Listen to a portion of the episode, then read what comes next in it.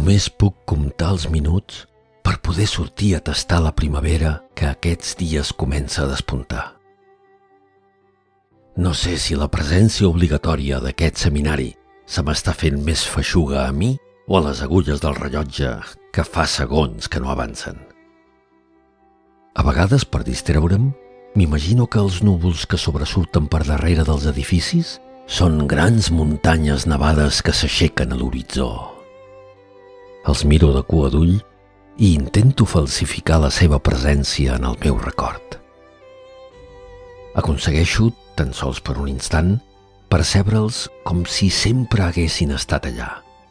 I aleshores m'imagino com es veuria aquest edifici des del cim. Sé que arriba la primavera perquè veig com el vent es bufega més càlidament i amb ell escampa les flors i les orenetes i tantes altres coses boniques.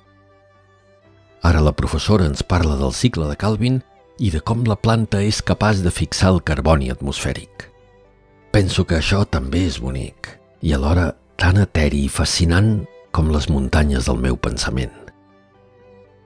Així absorbeixo el discurs que rebo en directe per l'ordinador, que m'omple els apunts de molècules i electrons que salten d'una a l'altra, oxidant-se i reduint-se.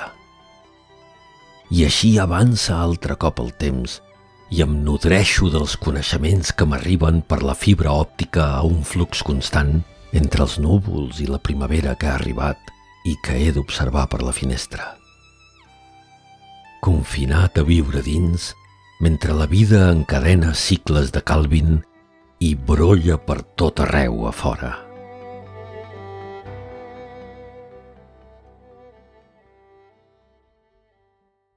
Mentre la vida brolla a fora.